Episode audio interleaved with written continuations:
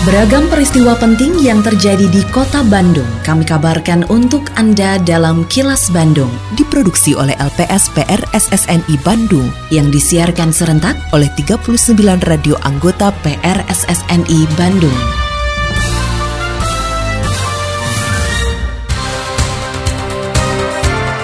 Sejumlah informasi aktual kami hadirkan untuk Anda dan inilah informasi utamanya.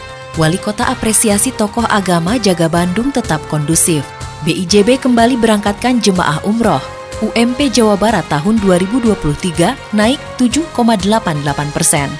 Saya Santika Sari Sumantri, inilah kilas Bandung selengkapnya. Pemerintah Kota Bandung menyampaikan apresiasi kepada para pemuka agama, pimpinan organisasi keagamaan, dan seluruh warga yang terus menjaga Kota Bandung tetap kondusif. Apresiasi tersebut disampaikan Wali Kota Bandung Yana Mulyana saat kegiatan silaturahmi kerukunan umat beragama pada Senin kemarin. Yana mengajak berbagai kalangan terus menjaga kerukunan umat beragama sebagai bagian dari membangun kesatuan dan keutuhan nasional. Menurut Yana, rasa toleransi dan gotong royong sangat terasa saat pandemi COVID-19 melanda kota Bandung. Seluruh elemen masyarakat saling tolong-menolong dan bergotong royong tanpa melihat perbedaan. Yana menilai adanya kebersamaan tersebut tidak terlepas dari peran para pimpinan organisasi keagamaan yang telah memberikan pemahaman dan mengajarkan kerukunan sebagai bagian dari ajaran agama. Selain itu, keberagaman menjadi sumber kekuatan masyarakat Kota Bandung dalam melaksanakan pembangunan yang tujuan akhirnya mewujudkan kesejahteraan masyarakat. Apresiasi dan juga mengucapkan terima kasih atas kerjasama seluruh pimpinan organisasi keagamaan yang selama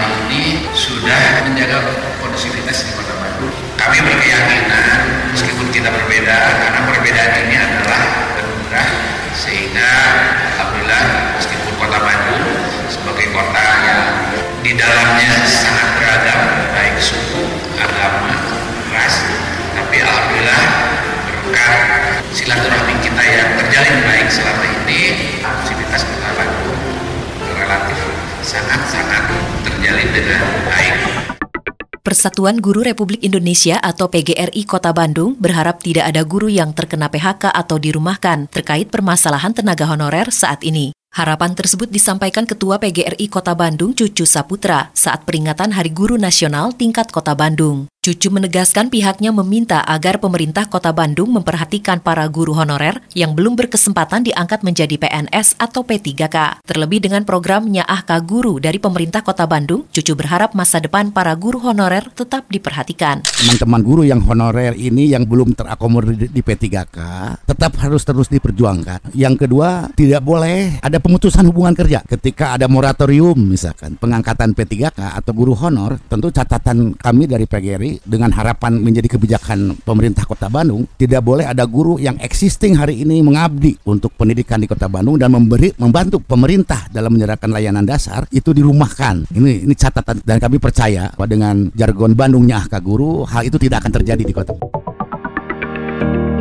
Assalamualaikum warahmatullahi wabarakatuh. Saya Ahmad Rosidin, Ketua Basnas Kota Bandung, menghimbau kepada seluruh masyarakat, khususnya para pengguna jalan dan wisatawan di Kota Bandung, untuk tidak menyerahkan donasi atau sumbangan kepada para pengemis, gelandangan, dan pengamen di jalan raya. Memberikan donasi atau sedekah kepada pengemis bukan merupakan cara yang tepat untuk membantu mereka. Hal ini hanya akan membuat mereka berpanggung tangan dan lebih nyaman untuk meminta-minta daripada melakukan usaha yang lebih produktif. Tentu saya sangat mengapresiasi kebaikan dan keikhlasan masyarakat yang ingin memberikan bantuan kepada saudara kita yang membutuhkan. Namun, alangkah baiknya jika donasi, sumbangan, infak, maupun sedekah Anda disalurkan melalui lembaga resmi seperti Basnas Kota Bandung atau lembaga pengelola zakat lainnya yang terdaftar di Kementerian Agama. Donasi yang Anda salurkan melalui lembaga zakat yang resmi akan dikelola secara akuntabel dan didistribusikan kepada saudara kita yang berhak dan membutuhkan melalui berbagai program, baik bantuan konsumtif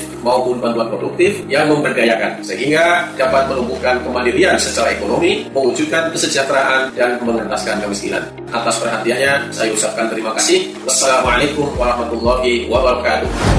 Iklan layanan masyarakat ini disampaikan oleh Dinas Sosial Kota Bandung.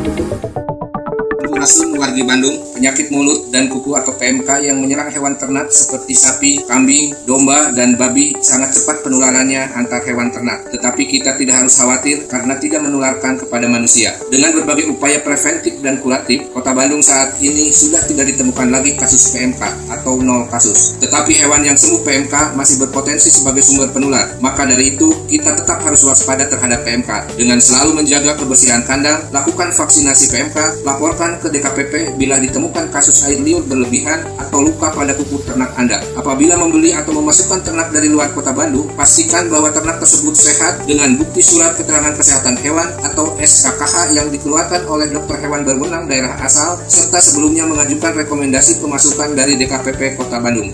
Ternak sehat, peternak sejahtera, warga Bandung sehat, Bandung semakin juara. Salam sehat dari Ginggil Ginanjar, Kepala Dinas Ketahanan Pangan dan Pertanian Kota Bandung. Bandara Kertajati kembali memberangkatkan jamaah umroh setelah sempat terhenti akibat pandemi COVID-19.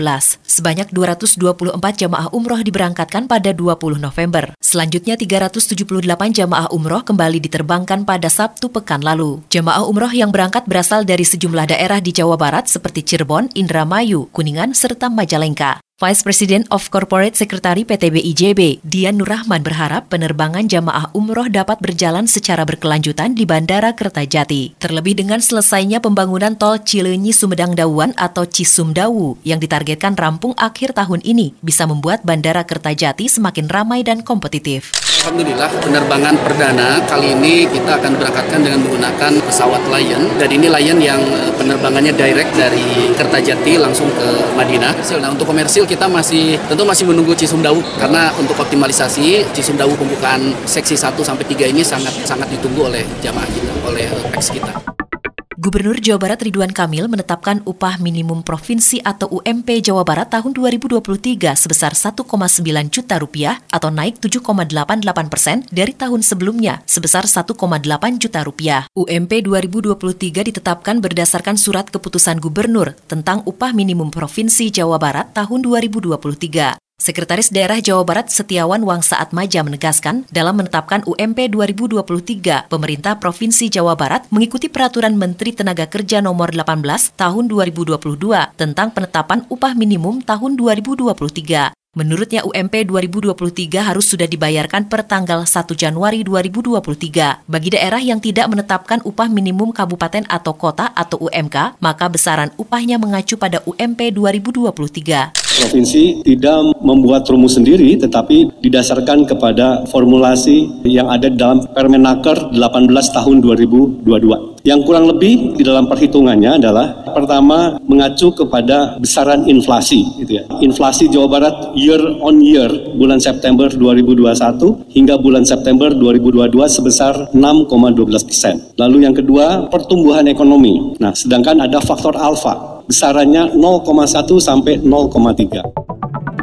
Ayo manfaatkan program pembebasan bea balik nama kendaraan bermotor kedua tahun 2022 dari 1 November sampai dengan 23 Desember 2022. Bebas pokok dan denda BBM KB2. Segera balik namakan kendaraan bermotor karena banyak keuntungannya. Satu, terjamin legalitas kepemilikan kendaraan bermotor. Kedua, mempermudah persyaratan administrasi pembayaran pajak kendaraan bermotor. Ketiga, bisa memanfaatkan banyak kemudahan atau inovasi layanan Samsat Keempat, mempermudah penemuan kembali apabila dokumen STNK atau BPKB terjadi kehilangan. Kelima, mempermudah klaim asuransi kecelakaan. Keenam, menghindari dampak penyalahgunaan kendaraan oleh pihak lain. Ketujuh, berkontribusi positif dalam program pembangunan di Jawa Barat. Hayu, semua menjadi bagian dari pembangunan Jawa Barat karena pajakmu untuk Jawa Barat.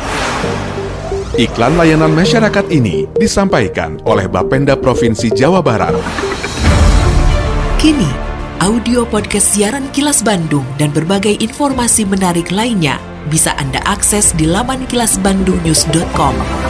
Tetap patuhi protokol kesehatan sebagai kebiasaan baru dalam berbagai aktivitas karena pandemi COVID-19 belum usai. Dapatkan dosis vaksin COVID-19 secara lengkap untuk meningkatkan antibodi dan efektivitas vaksin di dalam tubuh. Terima kasih Anda telah menyimak kilas Bandung yang diproduksi oleh LPSPR SSNI Bandung.